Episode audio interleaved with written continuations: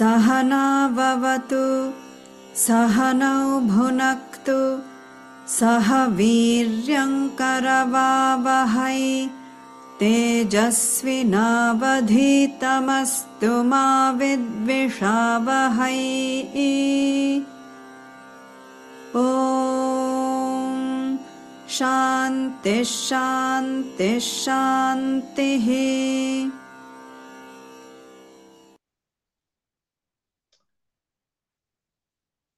Šanty, šanty, šanty. Pokud máme i Honzu, což předpokládám, jenom tě Honzo nevidím, tak uh, předávám slovo hodnotám. A hodnoty říkají, že jsou tady proto z několika důvodů. Připomínám ten, který jsme si předtím málo zdůrazňovali, ten společenský, ta společenská harmonie. Ještě tady tak jeden důvod, proč eh, se klade důraz na hodnoty a, je v celku pochopitelný, protože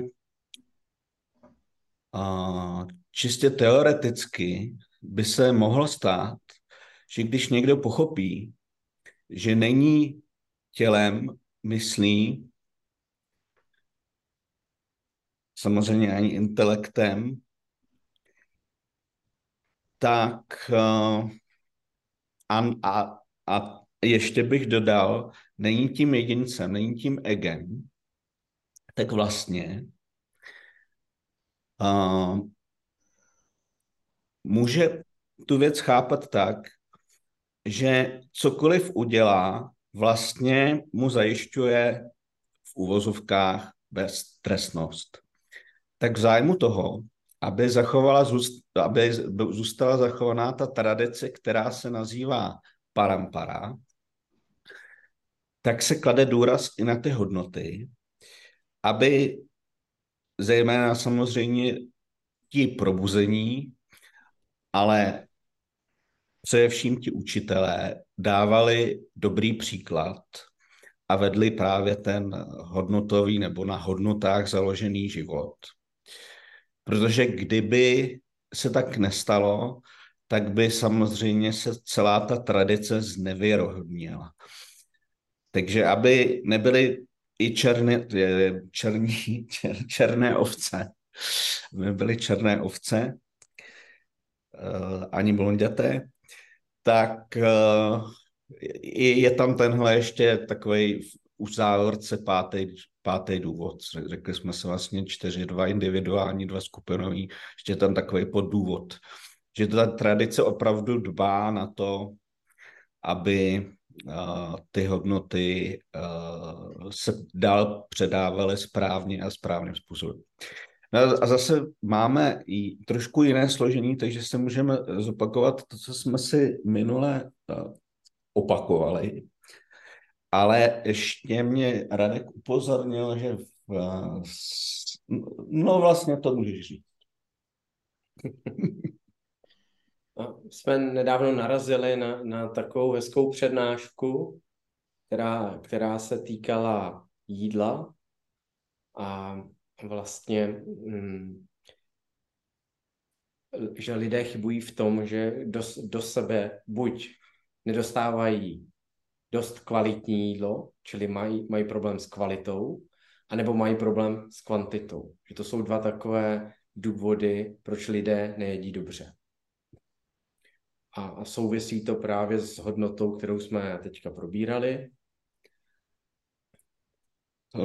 Souvisí to zejména se šaučám, protože tam jsme se říkali, že potřebujeme, když neumíme kontrolovat mysl, což je trošku vyšší úroveň, což je šama, tak bychom měli praktikovat tu damu. A to je, tak, to, je to, že kontrolujeme ten, ty vstupy. A vstupy jsou nejen očima, ušima, ale jsou i ústy. Takže Vedanta říká i, potom je to, myslím, v Bhagavad Gita až do konce, na konci někde. V 18. kapitole možná dokonce, nebo v 17. už to přesně nepamatuju. Ale ta, ta říká, že mám mnoho... Ja. Ta říká, že uh, jsou různé druhy jídel, které můžeme uh, taky kvanti- kvantifikovat, respektive rozdělit, radši je lepší slovo, na tamasická, rajasická a satvická. A i to, co jíme, vlastně ovlivňuje tu naši mysl. Nebo pijeme. Takový úplně ideální eh, a polopatický příklad je třeba s kávou. Že? Že častokrát, když na nás přijde tamas, tak si řekneme, potřebujeme se pozbudit, tak si dáme kávu nebo Red Bull. A hned na, na, na jede rajas.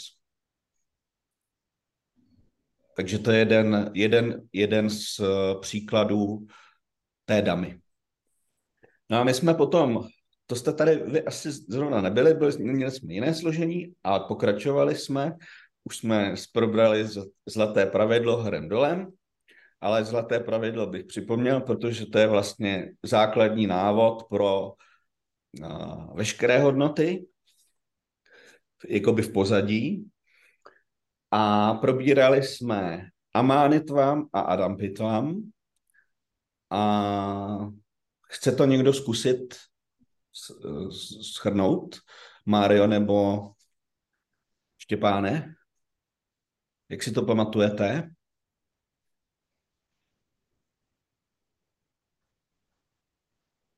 Zamutování tak nechtějí. Nemusíte toho Petra úplně poslouchat na slovo.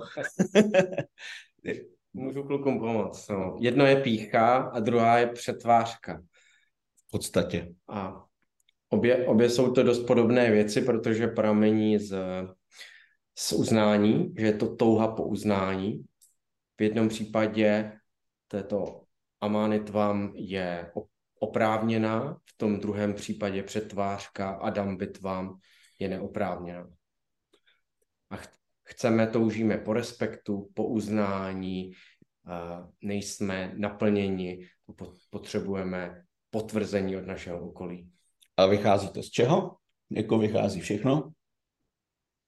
Z mysli, jakože je nedostatečný. Ale co je vlastně příčinou té prázdnoty? Jo, z ignorance. Neboli nevědomost. Nevědomost. A konkrétně to sebenevědomost. Sebe, sebe, sebenevědomost. A sanskrtu je to. Avidya. Vidya je moudrost, avidya je nemoudrost nebo v tomhle případě sebe nevědomost. Takže to, co vlastně jasný vlastnosti, nebo my teda usilujeme o ten opak, že Nebýt, ne, nevyžadovat to uznání, ani proto, že mám nějaké úspěchy nebo talent nebo nějaké schopnosti, dovednosti, znalosti a tak dále. Ani to nevyžaduju, protože si o sobě vytvářím pro druhé nějaký vymyšlený uh, obraz. Většinou to, dě, to se teďka děje na sociálních sítích v poslední době, že ty k tomu byly vlastně stvořeny. Asi. Mimo jiné. Tak, to jsme byli u těchto dvou a můžeme se už přesunout na, na Ahimsu. Ahimsu dáte, že jo? Někdo z vás aspoň?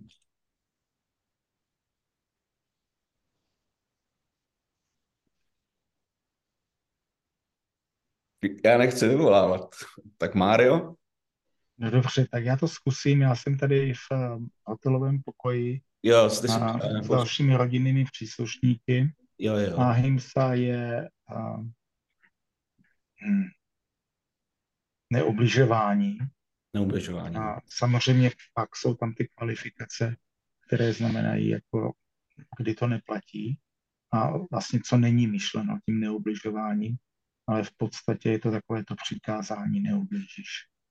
Ano, a je to myšlenkou, což je to... Ani činem, ani slovem. Ano. A důležité je, že to už ta myšlenka je jako ubližování. No. A my, my jsme říkali, že když to se snažíme praktikovat, tak, tak začínáme od toho hru, tu nejhrubšího. To znamená, že se snažíme aspoň nedělat ty ubližovací činy a pak se snažíme hlídat slova, což se nám často ne, ne, nedaří, protože, protože máme prostě už takové návyky dlouhodobé, i různé vtípky a tak dále. A samozřejmě jeden z nejdůležitějších důvodů, proč ubližujeme, je, když se, jsme rozhněvaní, když se rozčílíme, tak se vlastně zapomeneme úplně a ubližujeme, ačkoliv vlastně ubližovat nechceme. Tak kolik máme času? Abych taky teda něco řekl a nebyl jenom za černého pasažéra. Nejsi, ale, ale klidně. Tak eh, teď jsem eh, čtu ten komentář té dítě, co si přeložil a tam je hezká, hezká, hezká, hezký odstavec o těch třech bránách řeči. Jo. A to, to mi přišlo jako, nebo přijde mi to dobrý tohle to zmínit, kdy se vlastně říká, že pokud to není nutné, ano. není to laskavé a není to pravda a musí být splněna jaká, aspoň je, jakoby, když není splněna ani jedna z těch podmínek, tak to vlastně nemá, nesmíš, nebo neměl bys říkat. Jo. Takže to ubliž, ubližování řečí je, jako myslím si, v dnešní době asi to nejčastější. Já myslím, že to ubližování činem jsme schopni odfiltrovat ta myšlenka stejně zabloudí, takže s tím se těžko popereš, někdy ublížuješ myšlenkou a nějak si nepomůžeš. Ale ta řeč je asi nejvíc aktuální. No. A ty tři brány řeči si myslím, že ti dávají takový jako velmi rychlý test na to, aby si ujasnil, jestli ubližuješ nebo ne. Hmm. No ono, uh, někdy je důležité umět uh, mlčet. Protože my často máme tendenci mluvit právě proto, že nemáme zažitou tu, tu hodnotu, kterou ještě budeme probírat, ale už jsme ji probírali, to umění být sám se sebou.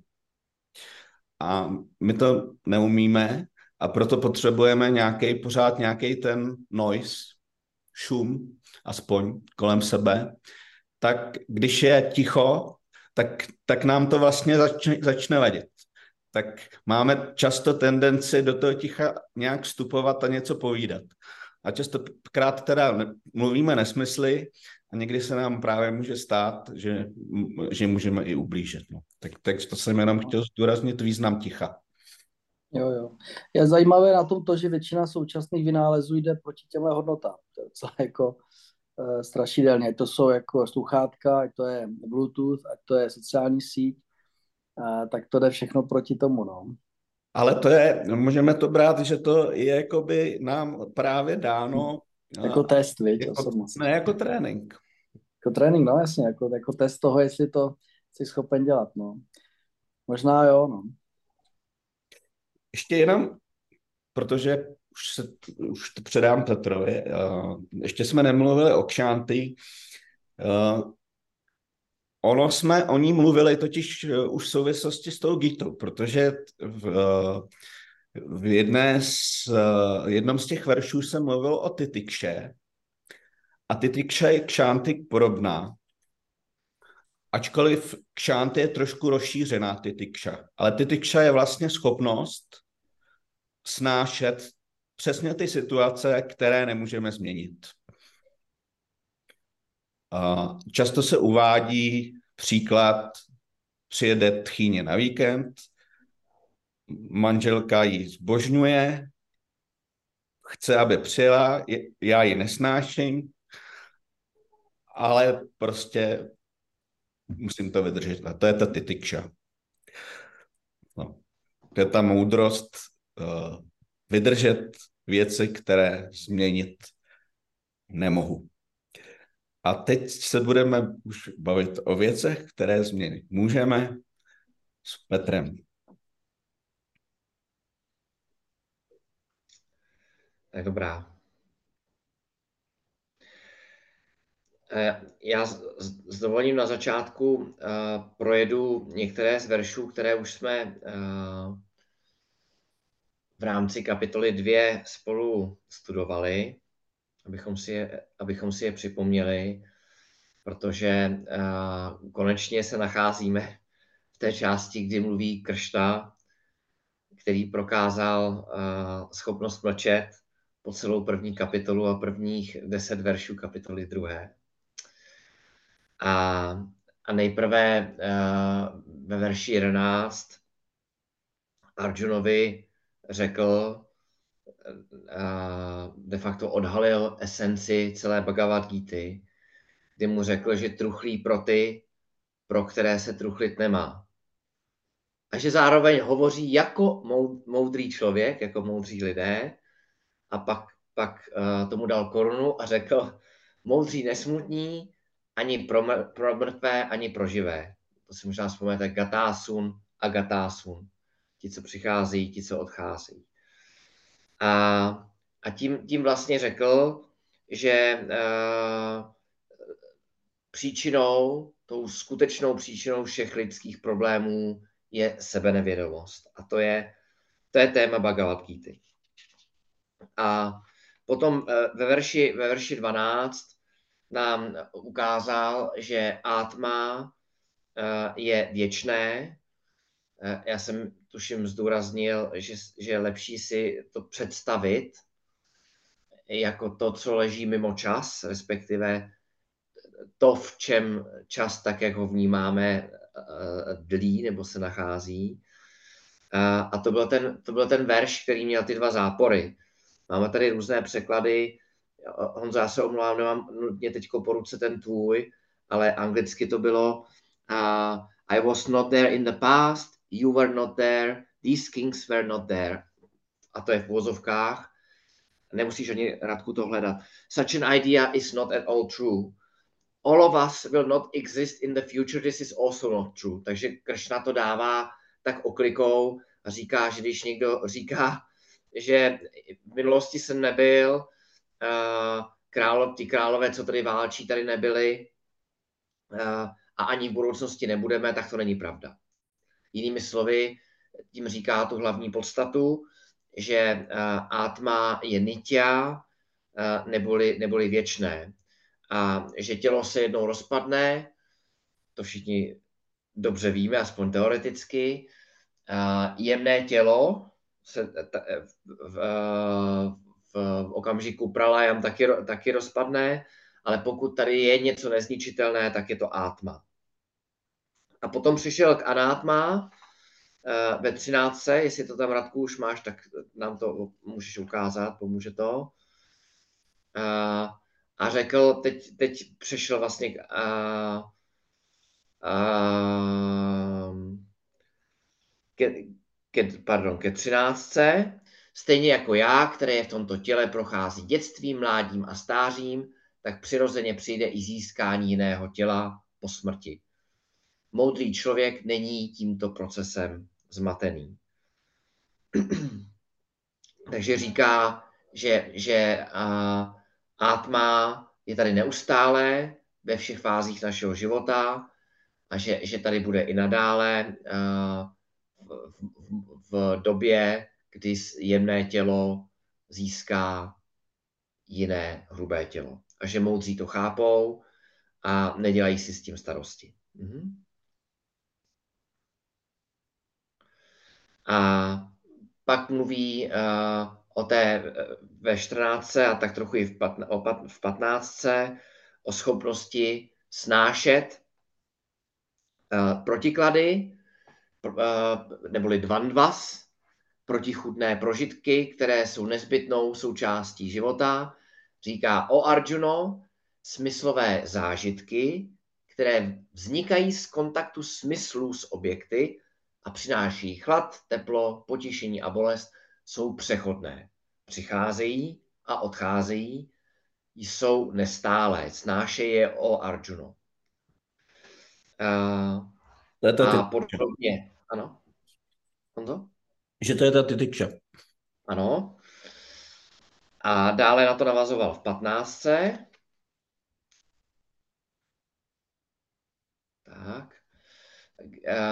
Kde mluví o schopnosti kontrolovat své smyslové orgány Říká Arjuno, ten člověk, koho tyto smyslové orgány a objekty neruší, kdo je vyrovnaný v bolesti a potěšení a kdo je moudrý, se sám stává způsobilý k nesmrtelnosti. A pak přišel, řekl bych, klíčový a filozoficky obtížný verš, eh, eh, šestnáctka, kdy eh, Kršna hovoří o těch, nebo v těch dvou termínech satya, mitya. Koukám, že tady používá jiný termíny, ale my používáme satya, mitya a říká, neskutečné neexistuje, pro skutečné s velkým S, pro skutečné neexistuje neexistence. Pravdu o obojím v skutku znají ti, co vidí pravdu. Uh, to znamená, že ukazuje, že Atma, já, je satya. To znamená, že to je jediná skutečnost. Uh, s vámi Parta Saráty používal rád pojem reality s velkým R, nebo the reality. A existence všeho ostatního závisí na tomto Atma. My jsme si říkali ten, řekl bych, poměrně pochopitelný příklad s hrncem a hlínou, kdy jsme si řekli, že hlína je jako taková, je pravdou hrnce. V tom smyslu, že existence hrnce zcela závisí na hlíně. Když to hlína byla před hrncem, je přítomná i po dobu životnosti hrnce a i poté, co hrnec rozbijeme, tak uh, hlína stále zůstává. Proto je hlína satya a hrnec je mytya. Hrnec nemůže existovat odděleně od hlíny nebo bez hlíny. No a veškeré anátma je na tom podobně jako ten hrnec. Eh, to znamená, že nemůže existovat bez átma a z pohledu Vedanty, a z pohledu toho člověka, který je schopen vidět věci tak, jak jsou, je schopen vidět pravdu, je celý svět tak trochu jako onen hliněný hrnec.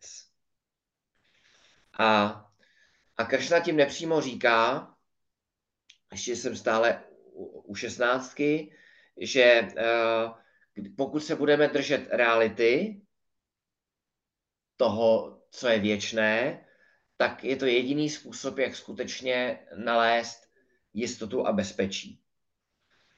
Protože pokud půjdeme druhou cestou, což je cesta, po které se většina lidí vydává a snažíme se spoléhat, opírat o neskutečné, eh, o pomíjivé, o to, co se mění, tak dříve či později budeme mít problémy. Pozor, tím se, tím se uh, myslí uh, opora uh, psychická, psychologická, vnitřní. Uh, neznamená to, že, že uh, přestaneme jíst, přestaneme se udívat nebo uh, hledat uh, nebo mít střechu nad hlavou. Ovšem chápeme, že tu střechu nad hlavou, přestože ji teď máme, tak v určitém okamžiku ji mít třeba nemusíme. Můžu uh, příklad? Ano. Ano. Jsem teď slyšel hezký příklad a my, co to budeme probírat Išavášu, tak ho budete mít případně potom taky k dispozici. Je to zajímavý příklad, který ilustruje to, co jsi řekl a, a, a říká nám, uh, co si z toho máme vlastně vyvodit. Uh, byl člověk, který byl někde venku a viděl obrovského slona. A, a, a bál se samozřejmě toho slona. Celý se roztřásl a nebyl schopen pohybu. A přišel moudrý muž, stařeček asi, nebo nějaký guru, a řekl, proč se třeseš, proč se tak bojíš? Tamhle je slon. strašně velký. Já mám ze, stronu, ze, sl, ze slonů strach. A on říkal, neboj se, pojď se mnou, já ti ho ukážu. On samozřejmě byl nedůvěřivý a on ho vzal za ruku a řekl, pojď se mnou. Přišli ke slonovi a on řekl, a teď ti ukážu, že se toho slona vůbec nemusíš bát. Polož na něj ruku. On na něj položil ruku a zjistil, že ten slon vypadá sice jako opravdový, ale ve skutečnosti je ze dřeva. Takže místo slona viď nebo poznej dřevo, mu řekl ten stařeček, ten moudrý muž. A najednou z toho hrozivého slona se stalo neškodné dřevo. Takže když, když my si to aplikujeme na ten svět, tak to poselství Vedanty o tom učení satya a mitya, nebo átma a anátma, tak nám říká, že když pochopíme tu naši pravou podstatu,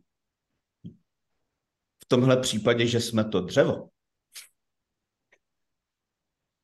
tak ten slon je pro nás naprosto neškodný. Nemusíme se ho bát.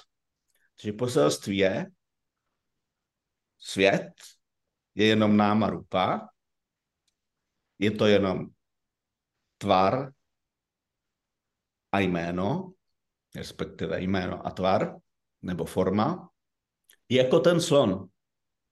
Je taky jenom forma slona, říkáme mu slon, ale ve skutečnosti je to dřevo, neškodné dřevo. Tak i ten svět je jenom jméno a forma, které jsou, když víme, že jsme átma, naprosto neškodné. Přesně tak. Děkuji Honzo. A konečně v sedmnáctce nám Kršna ukázal, že átma nemůže být zničeno ničím. Věz, že toto átma ještě tím vším prostupuje, je nepomíjivé. Nikdo nemůže způsobit zničení tohoto nezmenšitelného, případně nezničitelného. A to, to nás přivádí eh, eh, na konec toho, kde jsme skončili a můžeme se podívat na verš 18. अन्तवन्त इमे देहाः नित्यस्योक्ता शरीरिणः अनाशिनो प्रमेयस्य तस्माद्युध्यस्व Bharat Říká se, pomýváš jsou tato těla, která jsou přičítána tomuto věčnému a nepomíjivému já, které není dostupné jako objekt poznání. Proto bojuj o Arjuno. Kršna se tady vrací znovu k základní myšlence, kterou nám představil, jestli si ještě vzpomenete ve verši 12, a sice, že Atma já, moje pravá podstata je věčná, nebo věčné, uh, sanskrtu řečeno nitya. A tady, tady používá uh, termín anašina, který se dá, který se dá přeložit uh, jako, jako ne, nez, uh, nezničitelný. A atma se tady nazývá, tady se používají dva termíny šaríry a šarírinam. A šaríry je ten, to je ten, kdo je v těle, je to jenom, je to jenom jiný termín pro všudy přítomné átma, které je v těle. A to šaríry nam je tělo. Tady je důležité si uvědomit, nebo to správně pochopit, nevytvořit si mlnou představu, že átma je pouze v těle, protože víme, že Atma, nebo také Brahman, pokud se dívám na celek, je všudy přítomný. To znamená, že, že je to třeba chápat tak, že Atma je i v těle, je všude jinde, ale je i v těle a, a, a pro ten případ, kdy je Atma v těle, používáme také termín šaríry, co, což bychom asi volně mohli uh, přeložit jako obyvatel. A, podobně, když, pokud použijeme analogii prostoru, tak chápeme, že prostor je všudy přítomný, je všude, ale přesto vnímáme nebo používáme termíny jako prostor koupelny, prostor obývacího pokoje a podobně. Ale chápeme, že prostor ve skutečnosti je jeden. Takže samozřejmě Atma neboli šaríry je všudy přítomné a oproti tomu těla jsou anátma, jsou smrtelná, átma je nesmrtelné. A moudří a chápou, vnímají átma takové, jaké je, to znamená nesmrtelné, nezničitelné, nepomíjivé a s grácí, si, si s tou elegancí a lehkostí přijímají pomíjivost, časovou omezenost těla. Ať už je to Bishma, Drona, nebo náš manžel, uh, uh, nebo, nebo já sám. Tak to je jeden, jeden, jedna část nebo jedna oblast, ke které se tenhle ten verš váže. A potom se ještě váže k důležitějšímu termínu možná pro nás. A to je termín aprameja. Aprameja. Uh, vy jste asi slyšeli někdy už slovo pramánam, to někteří jste zaslechli, tak uh, se stejným kořenem existuje slovo prameja a jeho negace je aprameja.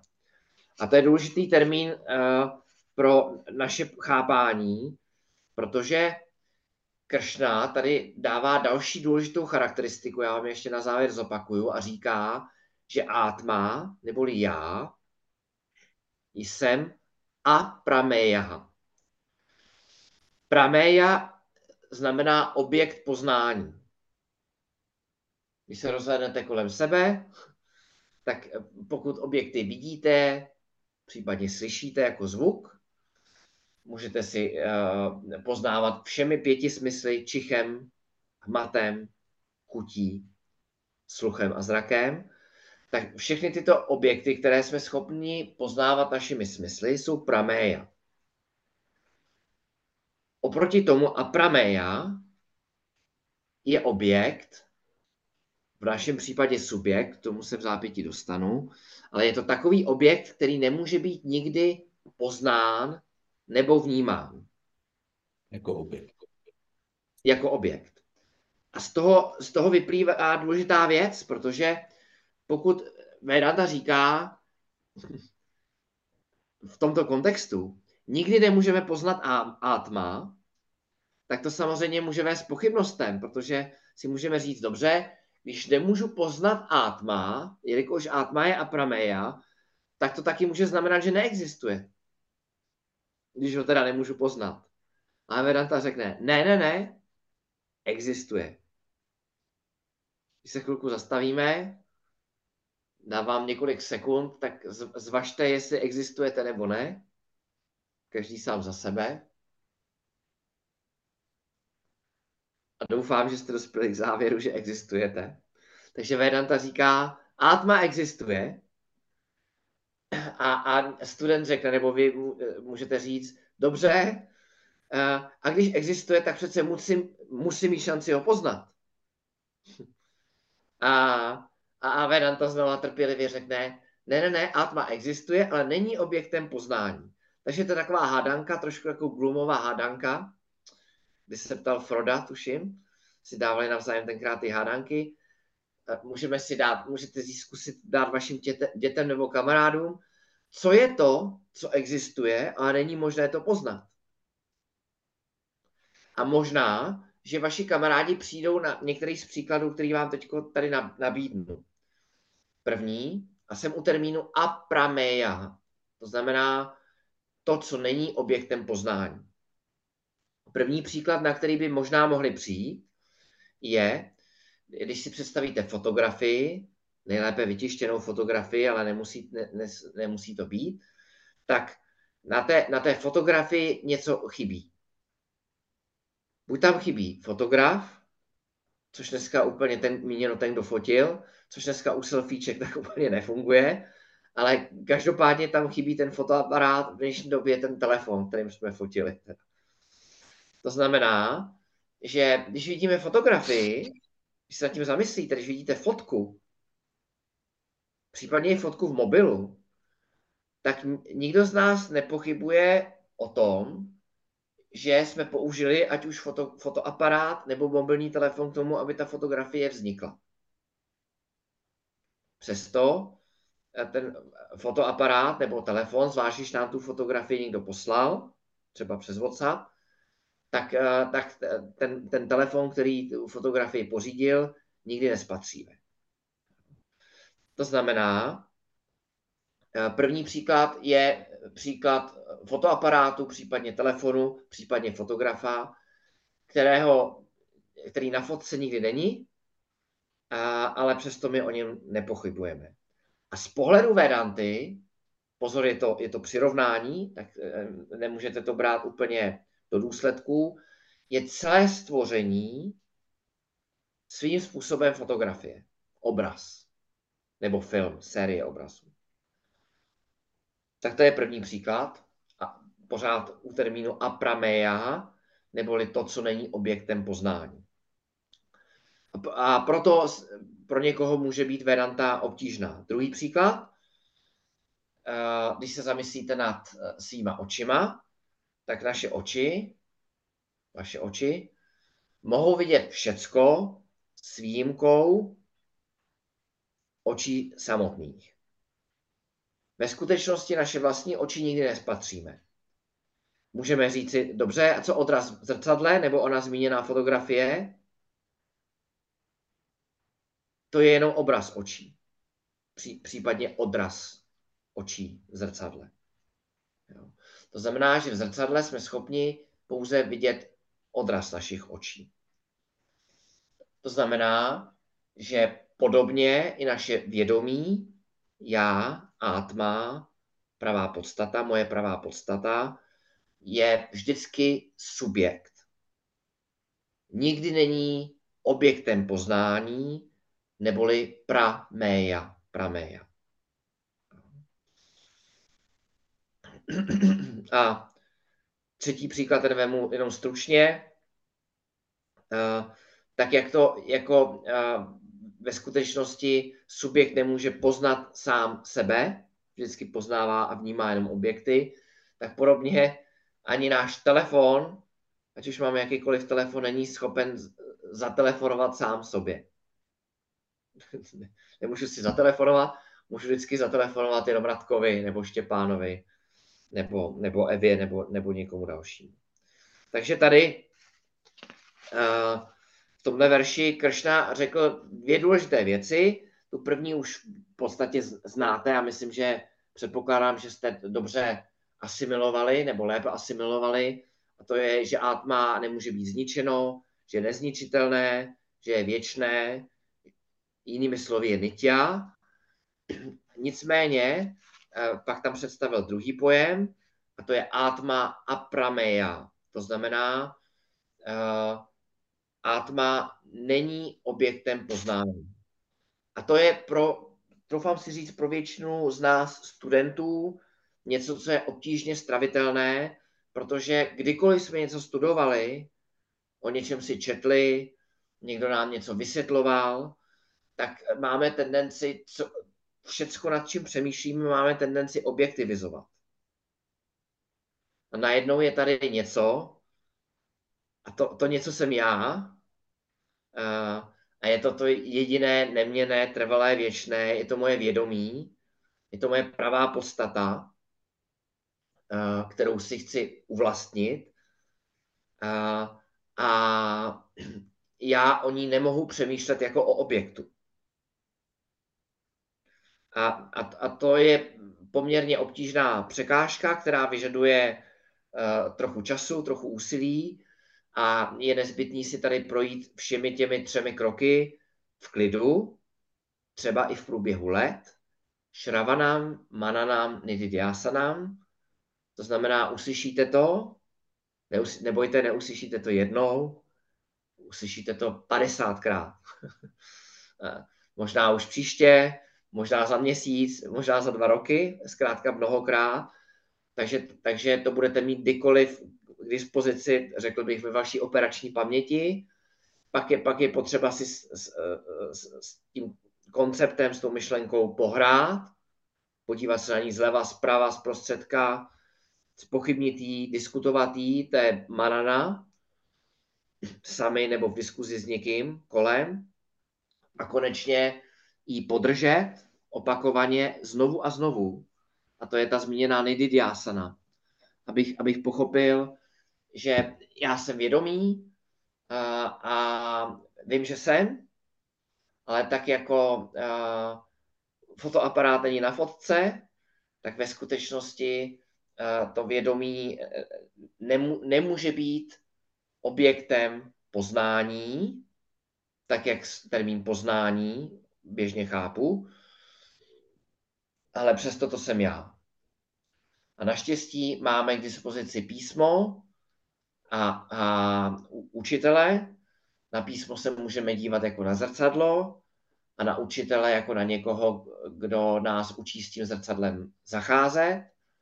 A, a pokud nás to učitel uh, dobře naučí, dobře nám to ukáže a my budeme spolupracovat, uděláme ten náš díl práce, tak v tom zrcadle můžeme spatřit sami sebe, svoji pravou podstatu. Jenom můžu rychlou otázku. V tom, hmm. tom předchozím verši je ta poslední linka, tím pořád přemýšlím, že pravdu znají ti, kteří vidí pravdu. Něco takového. Má to nějaký význam, nebo je to jenom jakoby... Který verš máš na mysli? Ten, teď co ukazoval na Jo, tak jestli nám ho tam Radek ukáže. Radku, prosím. Pravdu o obojím v skutku znají ti, co vidí pravdu. Jaký je 16. 16, no. To znamená, jo. proč je to, jako, je, uh, proč je tam dělaný rozdíl mezi tím, že něco znáš a něco vidíš? Nebo jaký má, jaká, jaký je souvstažnost mezi něco vě, vidět, když to, hmm. Když to smysly nemůžou vidět, tak proč tady vidí? Možná je to překlad jenom, jo?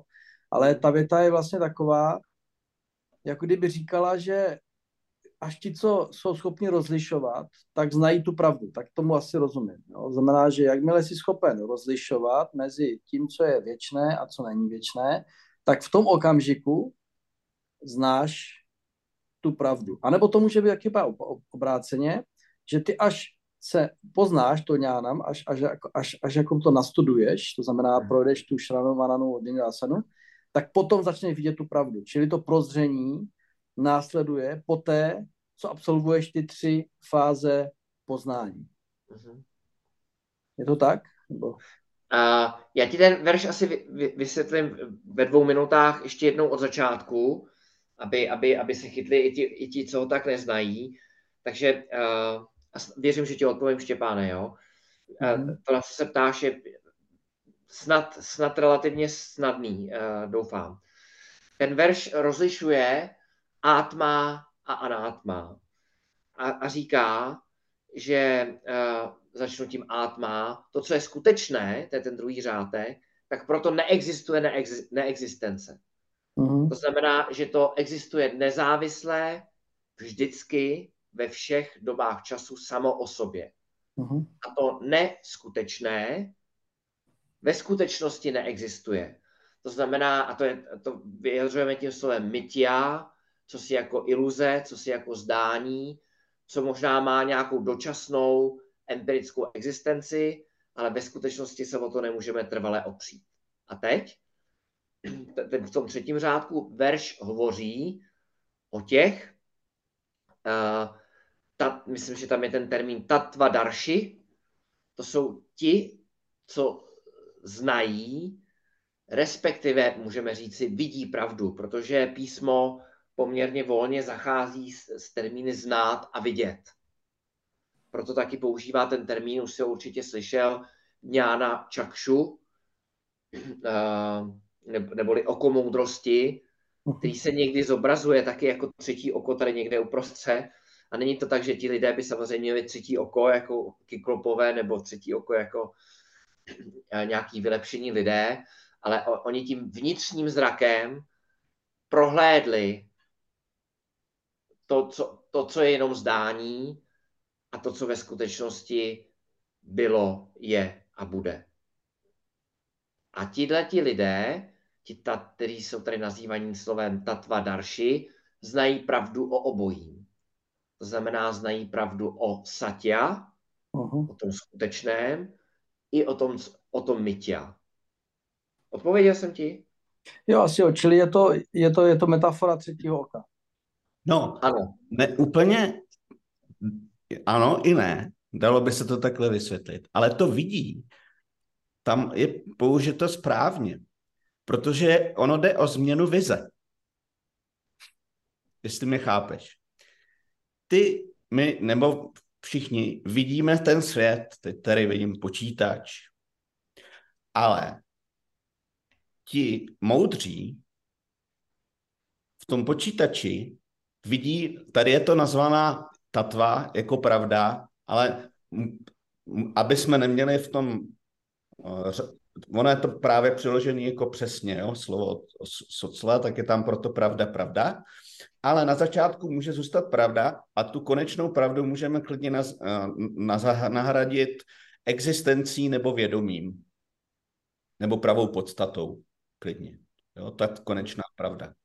To znamená, že ve všech věcech oni nevidí tu povrchní námarůpu, nevidí to, tu povrchní formu a jméno, ale vidí v tom tu pravou podstatu. A v těch neživých věcech je ta pravá podstata, ta sat, ta existence. Takže oni tam to, to slovo vidí, je tam vlastně i správně. Hmm. Já jsem si vzpomněl na jeden příklad. Eh, myslím si, že bude sedět na, na, přímo na tuhle tu věc, kterou diskutujeme. Eh, když tak ten verš schoď Radku, jestli můžeš, na okamžik. Eh, pokud nemůžeš třeba dát malé, děkuji. Jeden pán letěl za jedním svámím, a on za ten příklad asi zná, letěl za, za svámím Dayanandou a seděl v letadle a letěl někde v rámci Indie z jednoho města do druhého. A, a sedí v letadle a vedle něho sedí pán a začnou si povídat o všem možným a postupně se dostanou k tomu, že ten, ten cestující řekne tomu neznámému pánovi, že letí za svámím Dayanandou. A ten, ten člověk vedle něho řekne, to jsem já. A v tu chvíli ten cestující už vedle nevidí nějakého neznámého, neznámého cestujícího, ale vlastně vidí toho svámího Dayanandu, o kterém nevěděl, že to je svámí Dayananda. Čili podobně tihleti moudří, tam, kde my vidíme uh, talíř nebo hrnec nebo dům nebo, nebo uh, manžela, uh, tak manželku, tak uh, oni ve skutečnosti uh, vidí pravdu, bytí, vědomí. Já myslím, to je jasné, jasný.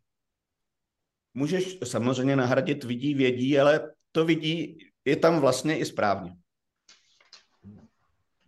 Protože oni chápou, že to, je, že, že, to, že to jméno a forma jsou vlastně jenom dočasné povrchní věci a my se jich vlastně bojíme, jako příklad s tím slovem, ale ve skutečnosti oni jsou neškodní. Tak jo, Štěpáne, díky za dotaz. Takže schrnu, co jsme si zatím řekli, než půjdeme na devatenáctku. Řekli jsme si, nebo co, co nám řekl Kršna, a řekli jsme si, že Atma je nitya, neboli věčné. Řekli jsme si, že Atma je satya, existující samo o sobě, nebo také pravda. Atma je sarva, sarvagata, všudy přítomné. a že átma, to bylo to poslední, je aprameja, to znamená, že není objektem poznání. Mhm. य एनं वेत्ति हन्तारम् यश्चैनं मन्यते हतम् उभौ तौ न विजानीतः नायं हन्ति न हन्यते Ten, kdo toto já považuje za někoho, kdo zabíjí, a ten, kdo toto já považuje za někoho, kdo je zabit, ani jeden z nich neví. Toto já nezabíjí, ani není zabito. Ještě jednou. Ten, kdo toto já považuje za někoho, kdo zabíjí, a ten, kdo toto já považuje za někoho, kdo je zabit, ani jeden z nich neví. Toto já nezabíjí, ani není zabito. Myslím si, že tohle pro vás bude jednodušší. Kršna v této sloce, v tomhle verši hovoří o tom, že átma je akarta a abokta. To znamená, že eh, pokud řek, řekneme, že átma je akarta, že ve skutečnosti ne, nejedná, není subjektem jednání a není ani uh, žádná, žádná činnost, žádné jednání na něj nemá vliv, netýká se ho. Opět, i v rádoby běžném životě eh, si můžeme uvést jeden, dva nebo tři příklady. Eh, například prostor, děkuji Radku, ve kterém se všichni nacházíme, tak je akarta a abokta. To znamená, prostor sám nic nedělá, to je, řekl bych, zřejmý. A ať děláme, co děláme, uh, i, i kdyby tady v našem domě teďko vybuch plyn, dům nebyl, tak uh, prostor bude. Ale, ale všichni se v prostoru nacházíme a bez prostoru uh, bychom nemohli konat a jednat. A podobně světlo. Uh, nevím, jestli to byl Viveka Čudámany nebo někde jinde, uh, Honzo, je ten příklad s, s lampou, která o, ozařuje taneční sál, je hudba, tanec. Uh, a všechno se tam odehrává, ale světlo netančí a nejí a nepije uh, víno, to znamená nejedná a ať, ať se tam lidi uh, zpřátelí nebo pohádají, tak na světlo to nemá žádný vliv, ale když světlo zhasne, tak je po večírku. Takže světlo je akarta a abokta, ale bez světla není, není uh, vesnická slabost. To znamená, když, kdyby nebyl prostor, nebo v tom druhém příkladu světlo, tak k žádnému jednání, k žádným transakcím nemůže, nemůže dojít. A Kršna je potřeba si, že jsme, že jsme na, bojiš, na, na válečném poli dávno, dávno, dávno, tak tady používá uh, jiné termíny uh, zabít, respektive být zabito. Ale, ale ve skutečnosti to znamená uh, jednat nebo nést důsledky nějakého jednání, neboli akárta a abokta. A z toho vyplývá důležitá věc, kterou někteří z vás tuší, nebo a někteří z vás vědí, že atma, neboli já, ta moje nejinternější neměná podstata, stojí zcela mimo zákon karmy. Uh, to znamená, vzpomenete si možná ty termíny, ty do, dobré činy, dobré skutky, kdy se hromadí něco, čemu se říká puňam neboli merit, zásluhy na ní nemají vliv, ani ty špatné skutky uh, a veškeré ty Eh, karmy, které jsme diskutovali, eh, které ještě budeme diskutovat, nechci do toho zabíhat, tak se átma netýkají. Takže verš 19 nám vlastně odhaluje další aspekt, eh, že, že moje pravá podstata stojí zcela mimo zákon karmy, a že akarta a abokta. Samozřejmě mé jemné tělo, mysl, intelekt, paměť, ego, uh, je, jemné tělo je subjektem karmy a hrubé tělo, to je na slunce jasnější. Mhm. न जायते म्रियते वा कदाचित् नायं भूत्वा भविता वा न भूयः अजो नित्यः शाश्वतोऽयं पुराणः न हन्यते हन्यमाने शरीरे Toto já se nikdy nerodí ani neumírá, ani v určitém čase nevznikne, ani opět v jiném čase nezmizí, je nezrozené, věčné a prosté rozkladu i růstu. Není zničeno, když je tělo zničeno. A skoro všechny, možná úplně všechny tyto verše, těch mezi 11 nebo 12 a 25 jsou převzatý z Upanishá. Tady vidíte, že uh, nevím, jak se řekne český, meter, takt, uh, rytmus, rytmus asi tohohle, uh, této sloky je jiný než těch předchozích a těch, co přijdou. Uh, ale v zásadě esence tohodle verše dvacítky je, že átma je prosto veškerých změn a modifikací. Neboli átma nirvikaraha. A dává to smysl, protože pokud je něco věčné, tak se to nemůže měnit. A, a, a tady eh, se k tomu odkazuje celá řada uh, slov, to znamená, že se atma se nerodí ani neumírá, nebo eh, o větu dále nevznikne ani nezmizí. A potom je tady několik fází života. My jsme v Tatvabóze jich studovali šest. Tady jsou čtyři je nezrozené, možná dokonce tři, nezrozené, prosté rozkladu i růstu. Jo. My jsme v Tatvabóze mimochodem uh, uh, diskutovali šest fází od uh, zárodku nebo embrya, potenciálního uh, člověka, přes zrození, růst, všelijaké změny, rozklad a smrt. Tím prochází každé, každé živé tělo ale všechny tyto modifikace se týkají hrubého těla, netýkají se átma. Átma se nerodí, neroste, nechátra, není nemocné a neumírá.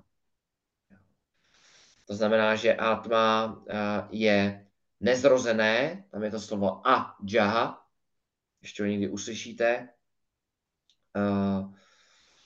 a, a, ale esence tohohle verše 20. je, že Atma je nirvikáraha, neboli prosto všech změn, všech modifikací. Takže když to schrnu na závěr, možná bychom to dali skoro dohromady, tak jsme si řekli, že Atma je nitya, bylo hned ve verši 12, že je věčné, mimo čas. Pak jsme si řekli důležitou věc, že Atma je satya, samostatně existující, to bylo v 16. Atma je sarvagata, všeprostupující, mimo jiné je i v těle. Je aprameja, není objektem poznání, protože je to subjekt. Je akarta a abokta, to znamená nejedná, ani žádné jednání na ní nemá vliv, to byl ten předchozí verš. A teď jsme si řekli, a to je tuším sedmý aspekt, nebo rys atma, že je nir vikáraha, neboli prosto veškerých modifikací a změn. Honzo. Nemám co dodat. Aha, dobře, dobře, dobře. Tak jsem tě pro jednou špatně odhad. Dobrá. Uh, nebojte, uh, není třeba uslovně za každou cenu si zapamatovat ani ty verše, ani ty termíny, stačí se k tomu lehce vrátit, spíš, spíš se snažit je pochopit, protože Kršna i Petr, případně Honza a vy další se k tomu ještě bude mnohokrát vracet.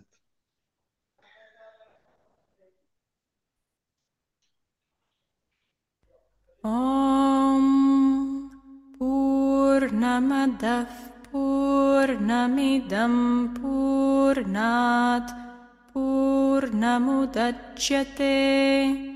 पूर्णस्य पूर्णमादाय पूर्णमेवावशिष्यते। ॐ शान्ति शान्ति शान्तिः